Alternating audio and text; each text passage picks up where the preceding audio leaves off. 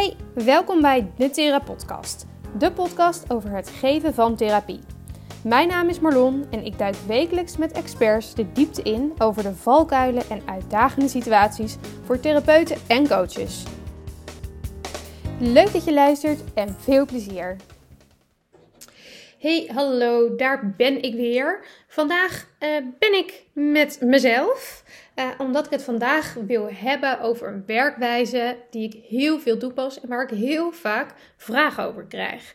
Vragen van collega's, um, waarbij ik erover vertel en die super enthousiast zijn. Uh, van cliënten krijg ik veel vragen over en ik geef er ook wel eens presentaties over. En dan merk ik ook dat vaak die nieuwsgierigheid enorm gewekt is. Um, dus leek het me goed om er een podcast over te maken. Ik ga het namelijk hebben over de verbinding tussen vaak een ouder en kind, maar dat kan ook in een andere relatie zijn, die wat ja, verslechtert vaak, waar dus vaak de hulpvraag over komt. En hoe zorg je nou voor weer een goede verbinding? Hoe blijf je met elkaar in verbinding? Hoe zorg je dat je elkaar niet kwijtraakt? En waar moet je alert op zijn? En het grappige is aan deze werkwijze is dat het heel simpel is. Het is ook heel simpel toe te passen voor cliënten in hun dagelijks leven met paar kleine aanpassingen. Um, het gaat vaak ook meer om een bewustwording en een anders kijken naar dingen. Uh, van dingen die je toch al doet, maar door er anders naar te kijken of door erop te letten, kan je er heel veel waarde uithalen. Dus het is een heel simpele, heel makkelijk toepasbare werkwijze. En daarom is die denk ik ook zo effectief. Ja, omdat alle cliënten die ik erover vertel, die gaan er mee naar huis en die kunnen er dezelfde dag nog mee aan de slag. En die komen dan de volgende keer weer en dan zeggen ze: Oh ja, ik heb erop gelet en dit ging goed en ik merkte dit en dit. En ze halen er meteen heel veel uit. En als je hier naar luistert, kun je dit ook meteen met jouw cliënten toepassen. Uh, en verder komt deze werkwijze natuurlijk uit een boek. En ik zal het linkje uh, naar het boek uh, zal ik ook in de, de omschrijving van deze podcast zetten. Dus dan kan je hem ja, aanschaffen. En het boek is echt mijn bijbel. Ik heb hem al vier keer denk ik gelezen. Ik, ik heb er aantekeningen in gemaakt en ik pak hem er regelmatig even bij.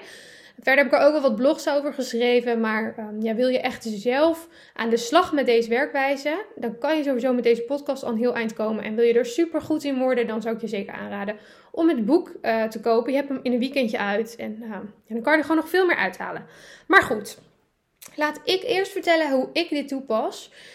Um, dus hoe blijf je met elkaar in verbinding? En ik pas dit het meeste toe bij mijn cliënten uh, na een scheiding of vaak na een overlijden. Waarbij je elkaar soms kwijtraakt. Soms um, ja, omdat je allebei denk je andere behoeften hebt.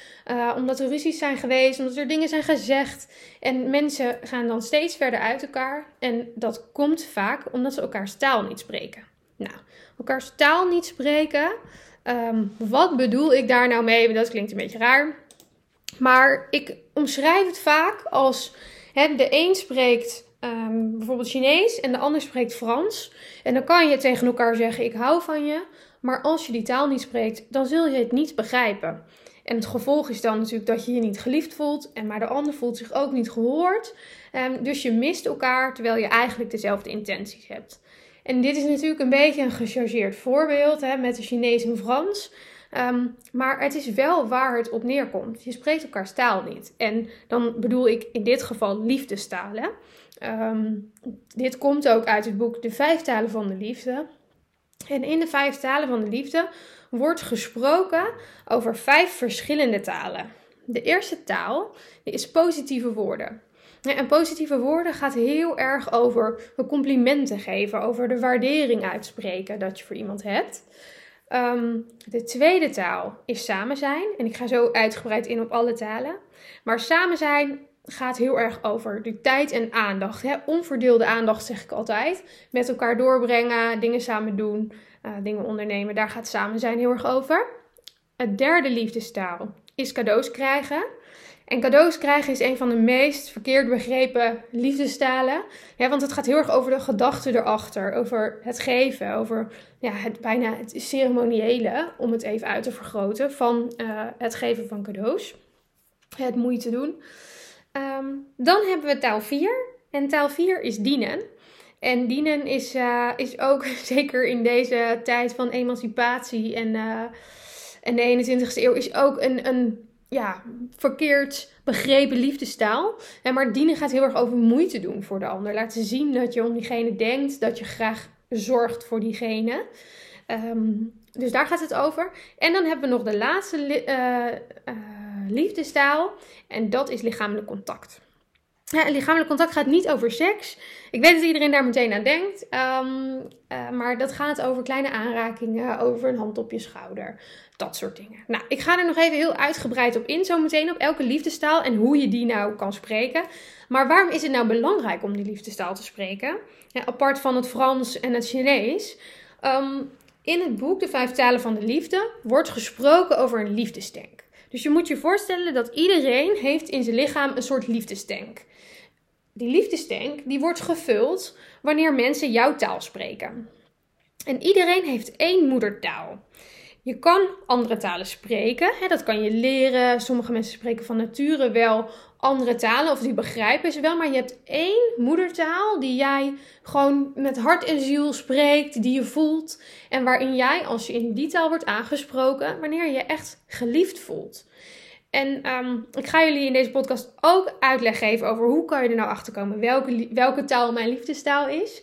Of de liefdestaal van je partner, van je kinderen, van je collega's. Want je kan het natuurlijk in elke relatie toepassen. Maar wat belangrijk is, is dat je weet dat met jouw moedertaal jouw liefdestank die jij in je hebt gevuld wordt. En dat wanneer je dus een hele tijd niet in jouw moedertaal wordt aangesproken, um, jouw liefdestank leger en leger raakt. En dan kan je wel worden aangesproken in een andere taal, maar als jij die taal niet spreekt, dan zal jouw liefdestank niet gevuld worden. En wanneer je liefdestank niet gevuld wordt, word je gewoon steeds ongelukkiger en raak je gewoon leeg. Een heel simpel voorbeeld als het gaat om, um, nou, laten we even een klassieke man-vrouw relatie nemen. De man die komt thuis uit zijn werk op vrijdag en die neemt elke vrijdag neemt hij een bos, uh, bos bloemen mee voor zijn vrouw. Harde werker, eh, wil goed voor zijn gezin zorgen, dus werkt dagen van, uh, nou ja, van, van 8 tot, 8 tot 7 of zo. Hè? Harde werker, 60 uur in de week. Maar als hij op vrijdag thuis komt, hij neemt altijd de moeite om langs de bloemenkraam te rijden en om een bos bloemen voor zijn vrouw mee te nemen. Nou, super lief, zijn manier van uh, liefde geven en liefde spreken. Dus dan hebben we het over de taal, hè? Cadeaus, cadeaus geven, cadeaus krijgen. Die vrouw, die uh, zit op vrijdag thuis, zit maar te wachten tot haar man eindelijk thuis komt. En hij komt thuis en ze krijgt weer een bos bloemen. En uh, nou, ze zegt, uh, dankjewel lieverd, ze is heel dankbaar. Maar ondertussen denkt ze, ja, godver, weer een bos bloemen. wat moet ik met die bloemen als jij er nooit bent? Weet je, wees nou eens thuis, doe eens wat leuks met me. Um, want die bloemen, ja, dat zal wel. Weet je, het voelt voor haar bijna zelfs als een goedmakertje. Hij compenseert voordat hij er niet is. Nou, je merkt het al. Hè, die man die denkt iets goeds te doen. Dit is zijn liefdestaal. Het is dus ook echt geen compenseren wat hij doet. Het is geen goedmakertje. Dit is zijn manier om zijn liefde te uiten. En hij is zich niet van geen kwaad bewust dat zijn vrouw deze taal niet spreekt. En die vrouw, die ziet het alleen maar als een goed makertje en vat het dus helemaal niet positief op. En haar tank zal dus leger en leger raken. Want wat je misschien, als je goed opletten, al hoorde in mijn woorden, was dat zij zei: hè, Ben er nou eens. Laten we nou eens iets samen gaan doen. Zorg dat je eens thuis bent. Wat dus betekent dat haar liefdestal waarschijnlijk samen zijn is. Ja, en als jouw liefdestal samen zijn is en je man werkt 60 uur per week en je doet nooit wat samen, dan raakt je tank leger en leger dus dit is een, heel klassiek voorbeeld. Um, maar zo heb je hem ook met kinderen. tussen een ouder en kind. Uh, een kind kan um, het, het heel fijn vinden dat hij van zijn vader elke keer uh, te horen krijgt: hey, uh, ik ben zo trots op je, je doet het goed op school. dus vader spreekt de taal positieve woorden, geeft complimenten, geeft waardering. Maar als dat kind zegt: Nou, dat, dat heb ik wel eens, dan komen ze bij mij en zitten ze bij mij en zeggen ze: Ja Weet je, mijn vader die, die raakt me nooit aan. Ik knuffel nooit met hem. Ik zou zo graag met mijn vader willen knuffelen. En als dus het liefdestaal van het kind lichamelijk contact is, hè, maar die vader weet het niet, is daar zelf niet zo van. Wordt er misschien zelfs ongemakkelijk van, omdat hij het zelf nooit heeft geleerd in zijn jeugd. Um, ja, dan, dan mis je elkaar. En ik merk zeker in de puberteit, wanneer kinderen ja, zich meer gaan afzetten tegen hun ouders, wat gewoon heel normaal gedrag is, dat de momenten dat ze wel samen zijn, dat het zo belangrijk is dat de juiste taal wordt gesproken. Ja, want de momenten zijn ehm, eh, kwantitatief minder, dus ze komen minder vaak voor. Hè, de hoeveelheid is minder, maar daarom is het juist zo belangrijk dat het kwalitatief beter is. Dus dat je goed op elkaar afgestemd bent. Want het is zo zonde dat de paar keren die je wel bij elkaar bent, je dan elkaar taal niet spreekt. Ja, als je dan weer de vertaling maakt naar het Chinees en het Frans, dat je met je kind aan tafel zit te eten, je ziet, je ziet hem uh, nou, een week niet en dan komt hij weer bij je en dan zit de een in het Chinees en de ander in het Frans te spreken. Dat is gewoon heel erg zonde. Nou, weer gechargeerd en uh, tuurlijk merk je dat er soort van per ongeluk altijd wel iets wordt, of bijna altijd wel iets wordt aangesproken in de, in de liefdestaal. de vader die bijvoorbeeld nooit knuffelt met zijn zoon. Um, maar um, tijdens het voetballen uh, wel eens een, een, een schouderduw, een, vriendelijke schouderduw dan, hè, of een high five. Of, dan, dan wordt er lichamelijk contact gemaakt en dan zal die liefdestank wat gevuld worden. Maar die vader zal nooit, uh, als hij dit inzicht niet heeft, zal nooit beseffen hoe waardevol die schouder, uh, dat klopje op die schouder of uh, die high five bij het voetballen uh, of het even stoeien of zo als kinderen jong zijn, hoe, hoe waardevol dat voor dat kind is. En wanneer je dus als ouder leert en weet welke liefdestaal jouw kinderen spreekt, dan weet je dus dat je als je met het voetballen, hè, um, als je dan dat lichamelijk contact maakt of als je even na die tijd samen wat zit te drinken, dat je net even um, ja, een vriendelijke klopje geeft of een arm eromheen. Of uh, al even kort een knuffel, maar met volledige aandacht, omdat je dan weet, mijn kind die, ja, die gaat hier goed op, die, die houdt hiervan. Um, dat soort kleine dingetjes kunnen gewoon heel veel verschil maken. Nou, goed. Ik heb uh, al heel veel uitgelegd over waarom de liefdestalen en weten wat liefdestalen zijn zo belangrijk is. Ik denk ook um, dat het wel goed over is gekomen. En een, uh, ja, een mooie quote eigenlijk die ik hierbij altijd gebruik is behandel de ander niet zoals jij behandeld wil worden, maar behandel de ander zoals hij behandeld wil worden. Want dat, dat leren we natuurlijk vroeger van jongs af aan. Je moet iemand behandelen zoals je zelf behandeld wil worden. Maar dat klopt eigenlijk helemaal niet. Want hoe jij behandeld wil worden, dat zegt helemaal niet dat een ander dat ook prettig vindt. Dus die hele, ja, dat hele cliché ding wat wij van jongs af aan geleerd hebben, dus eigenlijk gewoon onjuist. Het is heel goed om aan te sluiten op de behoeften van een ander. En dat gaat heel erg over de moeite willen doen. Want moet jij veranderen voor iemand? Nee, daar gaat het totaal niet over. Dat is echt een misverstand. Het gaat erover dat jij bereid bent om de moeite te doen voor iemand anders. Om alert te zijn op de dingetjes die je al doet. Um, een voorbeeld bijvoorbeeld van mij thuis is um, dat toen ik hier, hierover leerde en dit uh, ging ik testen thuis. Um, mijn liefdestaal is samen zijn. Dat was heel duidelijk voor mij. Uh, daar, uh, ja, daar ga ik gewoon het allerbeste op. En, maar die van mijn vriend niet. Die van mijn vriend is positieve woorden. En hij spreekt die heel veel naar mij uit. Um, hij is ontzettend lief voor mij. Maar soms kan hij zelfs zoveel positieve woorden gebruiken dat ik gewoon dat ik zelfs soms zelf terug zeg oké of zo. Hè? Als hij dan zegt ik hou van je, dan zeg ik oké. Dat is super onaardig van mij. Maar soms, voordat ik het wist, dacht ik soms echt ja, ik, ik weet het nou wel, weet je wel. Maar nu besef ik dat dat zijn manier is van liefde geven. En uh, kan ik het ook op die manier zien. Dus ik uh, kan me er nooit aan ergeren. Klinkt ook heel raar als je zegt dat je kan ergeren als iemand zegt ik hou van je. Maar um, omdat het niet mijn taal was, uh, ja, kon ik het niet zo goed begrijpen. En iemand kan de hele tijd heel lief tegen mij, lieve dingen tegen mij zeggen. Maar als we geen leuke dingen doen samen, ja, dan loop ik toch leeg. En um, nu zie ik dat heel anders. En bovendien weet ik dat zijn liefdestaal dus positieve woorden is. Dus heel vaak dacht ik wel dingen.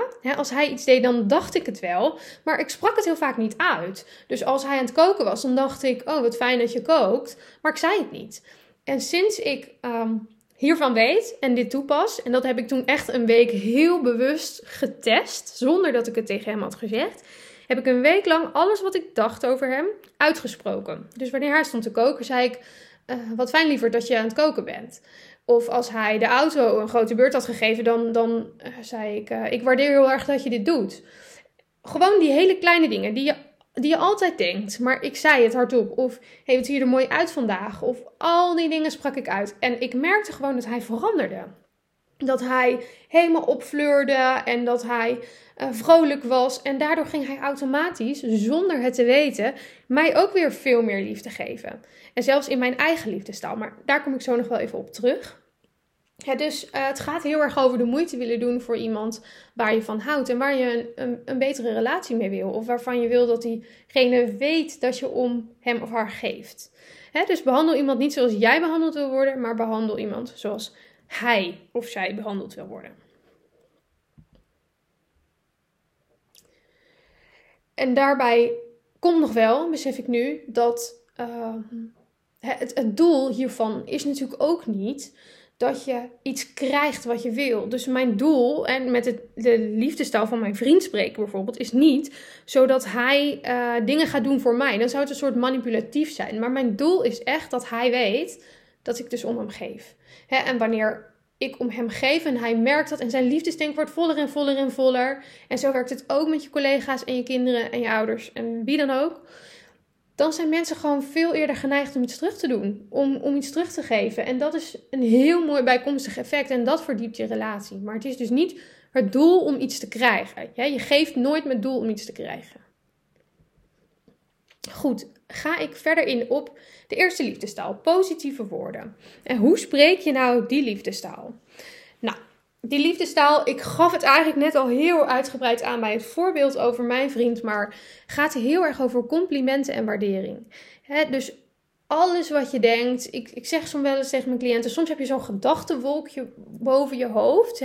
visualiseer dat, zie dat voor je en alles wat je in het gedachtenwolkje hebt, positieve dingen dan, alsjeblieft, maar spreek dat uit, zeg dat hardop. Dus ik waardeer dat je aan het koken bent, wat zie je er leuk uit.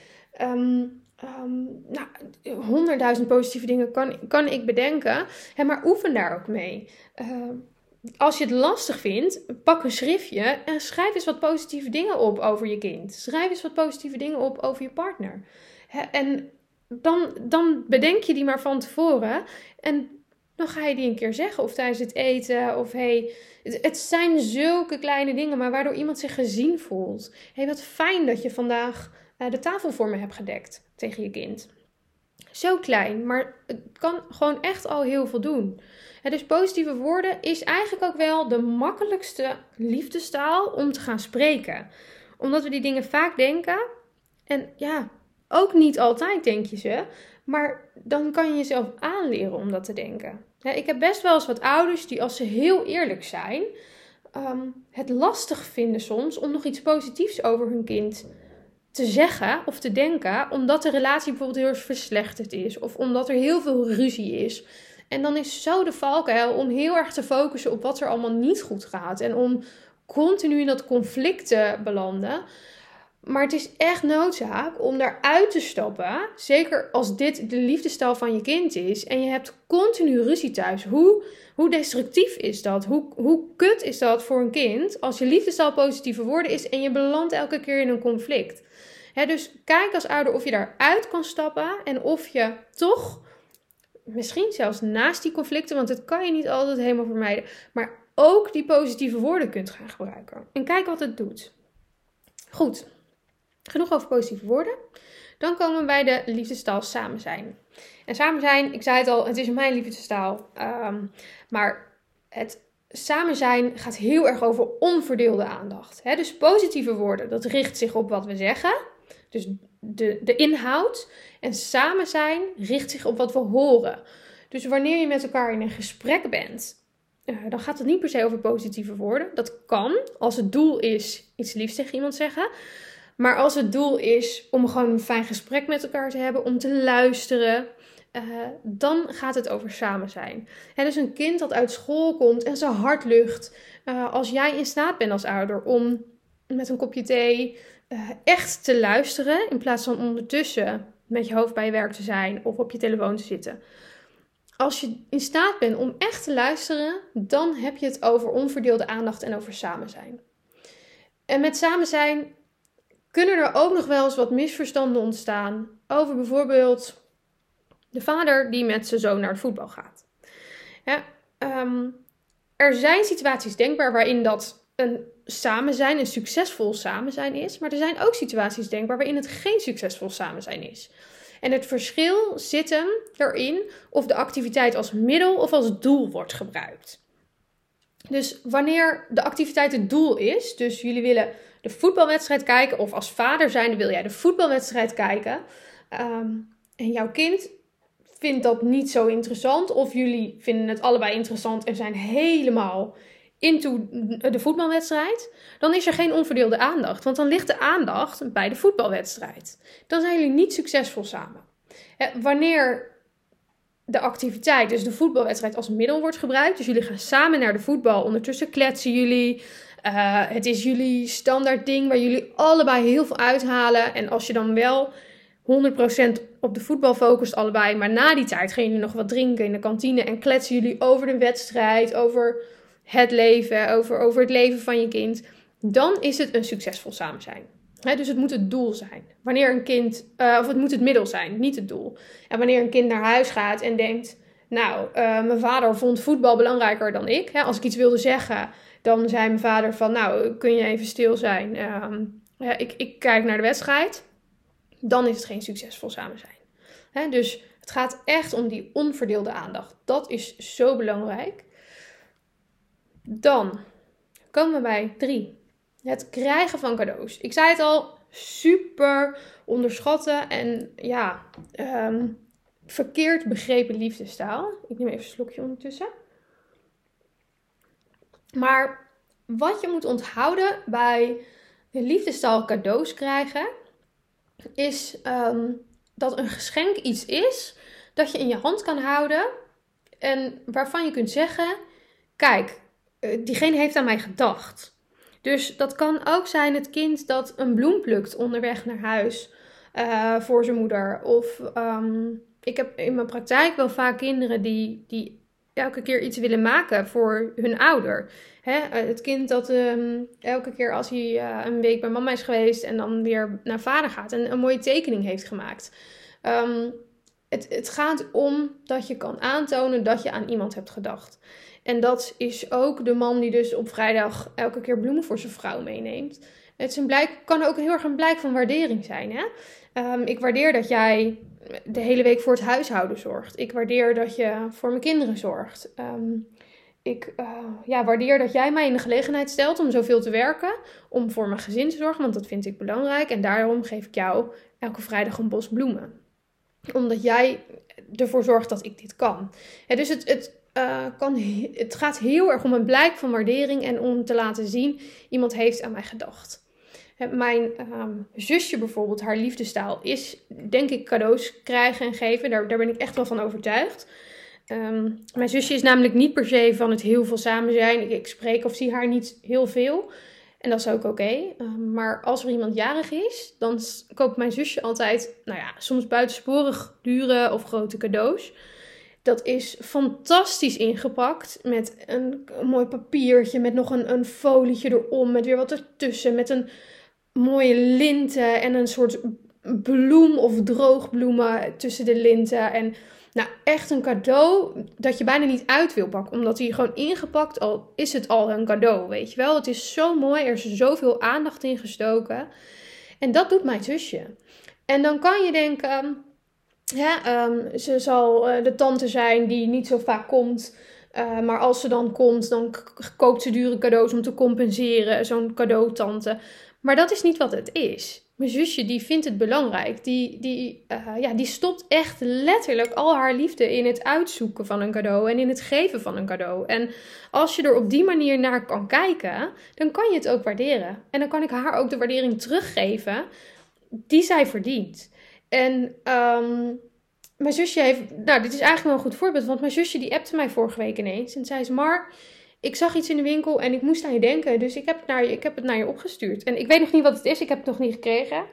Um, ik heb er wel meteen bedankt. Ik zei, nou dankjewel, super lief. Ik, ja, tenminste, ik denk bedankt. Ik neem aan dat het geen stinkbom is of zo. Maar, uh, en ja, ik ben heel benieuwd wat het is. Maar het geeft precies aan waar deze hele liefdestaal om gaat. Ze zag iets, ze dacht aan mij en um, dat uit ze. En dat uit ze door het voor mij te kopen. En dan gaat het er niet om of het 1 euro was, of 10 of 100. Ik hoop niet dat het 100 euro was, voel ik me schuldig. Maar um, daar gaat het niet om.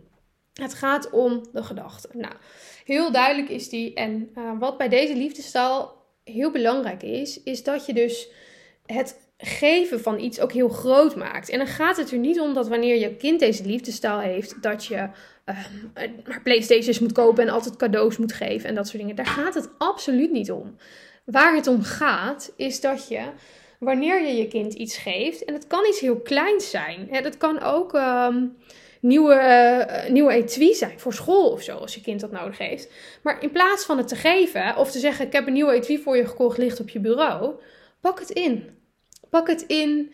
Doe er een mooie strik om. Steek aandacht in het, het om het geven heen. En geef het tijdens het avondeten of na het avondeten. Als jullie aan tafel zitten, zeg je: hey, lieverd, ik heb iets voor je.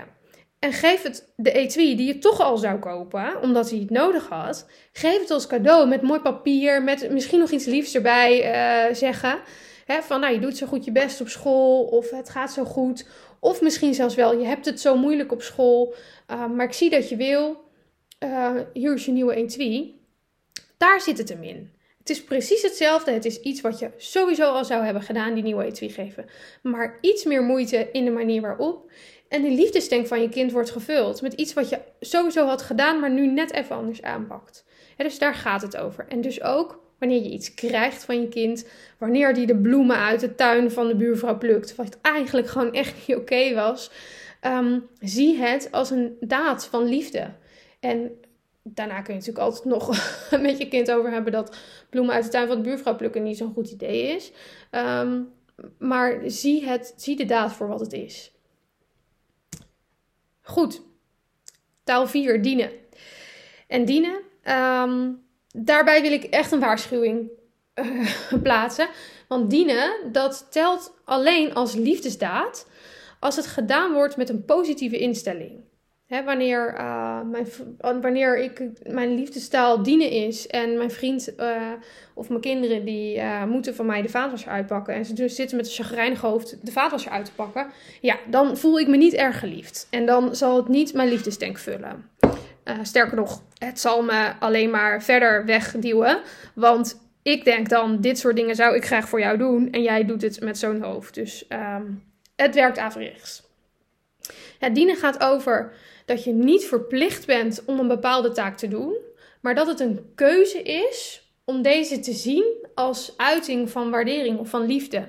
dus wanneer ik ochtends uit bed kom en uh, mijn vriend heeft al een kopje koffie voor me gezet en ze zegt: Schat, er staat al een kopje koffie voor je klaar. Of um, wanneer uh, mijn vriend vanavond laat thuis komt uit het werk en ik weet dat, maar ik ben er niet, dat ik alvast kook, het in een pan op het aardig zet en zeg: uh, Schat, je hoeft het alleen nog even op te warmen. Dat soort dingen, wanneer dat een uiting van liefde is voor mij, omdat ik hè, het fijn vind dat, dat hij thuis komt en dat hij meteen kan eten, dan is het een uiting van liefde en waardering. Maar het is als ik van hem altijd moet koken, als het mijn taak is om te koken en um, ik zet dan het eten klaar, ja, dan is het een, is het een gewoonte, is het, is het mijn taak en dan is het zeker geen uiting van liefde. dus het is een heel verkeerd begrepen liefdestaal. En zeker, dat zei ik al, in deze tijd van emancipatie. En ik heb zelf ook uh, vriendinnen die ja, heel erg met emancipatie en dat soort dingen bezig zijn. Die kunnen soms compleet voorbij gaan aan het feit dat de liefdestaal van hun partner best wel eens dienen kan zijn. En als jij heel fel bent tegen uh, de vrouw in de keuken en dat soort dingen. Um, dan kan je soms heel erg je partner missen in deze liefdestaal. En ik zeg niet dat je de huisvrouw moet gaan uithangen, absoluut niet. Maar het gaat ja, dus om die blijken van waardering, die lieve dingen die je voor elkaar doet. Hele kleine dingen kunnen dat al zijn. En dit werkt ook zo met je kinderen. Is het jouw taak als moeder of als vader om al deze dingen voor jouw kind te doen? En zie je dat ook op die manier? Of doe jij dit voor je kind omdat je heel veel van hem houdt? En het gaat dus om die instelling um, wat het verschil maakt. En ik vraag wel eens aan kinderen: hoe merk jij dat jouw vader of je moeder van je houdt? En um, dan zeggen ze wel eens van: Nou, mijn, mijn, mijn vader doet alles voor me. En dan weet ik: Oké, als, als dat is uh, wat jij onthoudt, dan is jouw liefdestaal waarschijnlijk dienen. En jij had je niet geliefd gevoeld als jouw vader um, jou elke keer met een chagrijnig hoofd naar, naar de hockey rijdt. Of als ehm, de was doen elke keer een discussie is. Of als elke avond ruzie is over dat de tafel niet gedekt is. Dan zul jij je niet geliefd voelen als jouw liefdestaal dienen is. dan zal je je geliefd voelen als jij merkt, mijn ouder doet graag dingen voor me. Goed, ik denk dat die ook al duidelijk is. Um, dan zijn we bij de laatste liefdestaal. En de laatste liefdestaal is lichamelijk contact. En lichamelijk contact, zeker met kinderen die ouder worden, ehm, kan soms ingewikkeld worden. Zeker voor ouders die zelf niet geleerd hebben hoe je uh, ja, op een fijne manier toch lichamelijk contact met elkaar kan hebben. zeker in deze tijd um, worden sommige ouders hartstikke ongemakkelijk, uh, ja, onnodig zelfs soms. En is dit iets wat, ja, wat, wat naar de achtergrond kan raken bij pubers. En dat is zo jammer, want wanneer een kind uh, als, als jong kind zijn lichamelijk contact als liefdestaal had en continu op schoot zat en wilde gekriebeld wilde worden en ja, uh, dat, dat, altijd wilde, wilde knuffelen, dan is dat niet anders wanneer een kind een puber is. Want jouw liefdestaal, hè, jouw moedertaal, die heb je van je geboorte en die verandert ook niet. Dus Ehm, ja, wanneer je dan puber bent en je gaat je afzetten tegen je ouders en uh, het is allemaal niet stoer meer om de hete te knuffelen, ehm, dan, dan maken pubers het voor zichzelf soms ook heel moeilijk. Omdat dat lichamelijk contact toch is waar, zij, waar hun liefdestaal van gevuld wordt. Dus ehm, dan is het heel goed om na te denken met je kind over wat is nou de manier waarop ik nog wel lichamelijk contact kan hebben. Hè? Hoe kan ik met mijn kind, die, waarvan ik vermoed of bijna zeker weet dat dit liefdestaal is, hoe kan ik die ja, toch uh, wat, wat meer lichamelijk contact mee hebben zonder dat we elke dag hoeven te knuffelen? En dat, dat kan dus al zijn het klopje op de schouder, um, als je aan tafel gaat zitten. Um, ja, strijk even over elkaars arm. Hé hey, jongen, uh, hoe was je dag vandaag? Even zo'n ja, aanraking. Uh, dat kan echt al heel veel doen. Of een high five of, of een wat dan ook. En misschien willen sommige kinderen gewoon eigenlijk nog heel graag wel knuffelen. En kijk ook of je dat, nou misschien als jullie praters zijn thuis, dus kan bespreken. Of, of test het gewoon, weet je wel. Of, of met een grapje. Er zijn zoveel manieren om, ja, om daarachter te komen en om daarmee om te gaan. En het is maar net hoe, hoe creatief je er zelf mee bent. En als je merkt dat je dat lastig vindt en dat je er niet uitkomt, dan ja, vraag iemand om je te helpen. Want het is zo zonde om, om elkaar te missen. Nou, het is natuurlijk belangrijk om te weten ehm, wat iemand anders voor liefdestaal heeft. En uh, daar kun je door verschillende vragen achter komen. En waarschijnlijk heb je bij het luisteren van deze podcast ook al nagedacht over wat jouw liefdestaal kan zijn. En er gaan vaak veel dingen door je hoofd meteen al als je dit soort dingen hoort. Uh, van, oh, die herken ik wel, dat is mijn zus en dat is die um, en wat je zelf bent. Nou, er zijn verschillende vragen die je, je kunt stellen om erachter te komen wat jouw liefdestaal is. Uh, maar ook om erachter te komen wat de liefdestaal van iemand anders is. Um, als je wil kijken naar je eigen liefdestaal, dan kun je nadenken. Bijvoorbeeld, wat doet jouw partner niet waardoor jij diep gekwetst bent? Dus stel, um, ik voel me niet gezien door mijn partner. Ik word heel erg gekwetst omdat hij nooit uh, tegen me zegt dat hij van me houdt. Omdat hij nooit uitspreekt dat ik mooi ben. Omdat hij nooit uh, iets liefs tegen me zegt. Daardoor raak ik heel erg gekwetst. Nou, dan merk ik dus al dat het tegenovergestelde daarvan, hè, dus het wel uitspreken, dat is mijn liefdestaal. Of ik word heel erg gekwetst omdat um, ik alles in het huishouden moet doen. Mijn vriend die doet nooit wat.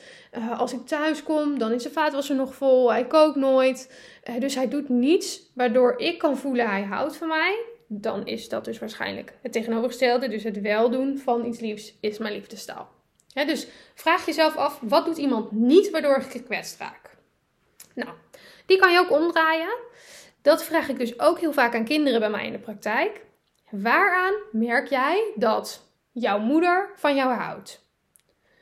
Wat doet jouw moeder wanneer jij denkt, ze houdt echt van me? Dat is dus de taal. En ze kan misschien wel vijf verschillende talen tegen jou spreken. Maar op één moment hoor jij het echt en versta jij het. En dat is dus waarschijnlijk jouw liefdestaal. Dus de taal die jij het beste verstaat. Dus als jouw moeder, als jij het meeste merkt, mijn moeder houdt van mij wanneer um, we aan het knuffelen zijn. dan is waarschijnlijk lichamelijk contact jouw liefdestaal. Want waarschijnlijk zegt je moeder ook wel dat ze van je houdt. Waarschijnlijk doet ze wel veel dingen voor je. En dit is natuurlijk even een ideale situatie. Um, waarschijnlijk krijg je wel eens cadeautjes van je moeder. Maar als jij je echt geliefd voelt op het moment dat je moeder je knuffelt, dan is waarschijnlijk lichamelijk contact jouw liefdestaal. Nou, je kan ook nog kijken naar de vraag: wat verlang jij het meest? Stel, we hebben het over jouw kind. En je, zegt, tegen mij: ja, ik, ik ben bang dat ik niet zo'n goede band heb met mijn kind, raak elkaar kwijt. Waar verlang je naar? Wat zou je heel graag willen doen met je kind, horen van je kind, zien van je kind, krijgen van je kind, waardoor jij zou weten: oké, weet je, uh, hij slaat zijn vleugels uit, maar houdt nog van me. Wat verlang jij van je kind? Nou, dan is dat waarschijnlijk ook jouw liefdestaal. En dan is er nog een laatste manier waarop je erachter kan komen. En dat is, wat doe jij als jij jouw kind uh, heel erg waardeert? Want je spreekt natuurlijk automatisch, onbewust, je eigen liefdestaal. Dus wat is jouw handeling? Als iemand iets supergoed doet, je kind die, die behaalt een enorme prestatie, wat doe je? Geef je een grote knuffel? Eh, prijs je je kind de hele tijd de hemel in? Ehm, denk je meteen aan, oh, nu koop ik voor hem dit of dit wat hij zo graag wilde? Hè, wat doe je wat uh, jouw waardering laat zien? Dan is dat waarschijnlijk ook je liefdestaal. Dus dit zijn vragen die je jezelf kunt stellen. Maar je merkt ook dat dit vragen zijn die je ja, aan je kind kan stellen of aan je partner kan stellen. Hè? Wanneer merk je dat ik van je hou? Wat doe ik wanneer jij je heel erg geliefd voelt? Wat verlang je van mij? Wat, wat vind je fijn als ik bij je doe? Nou, er zijn honderd vragen eigenlijk die je kan, die je kan stellen. En denk daar eens over na. En ja, bespreek dit ook thuis. Hè? Dus eh, met je kinderen, met je partner, maar ook bijvoorbeeld met je collega's. Als collega's kan je ook zo langs elkaar heen lopen. En dat is super jammer.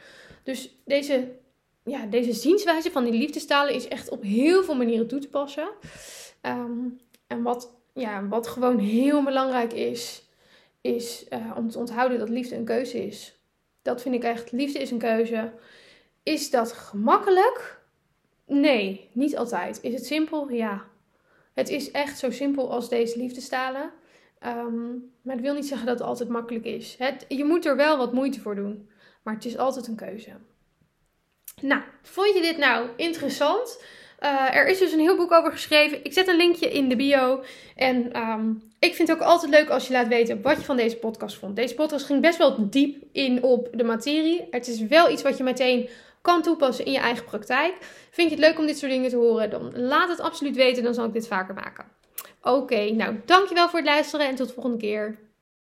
Laat je weten wat je van de aflevering vond? Je kunt me bereiken op Marlon op Instagram.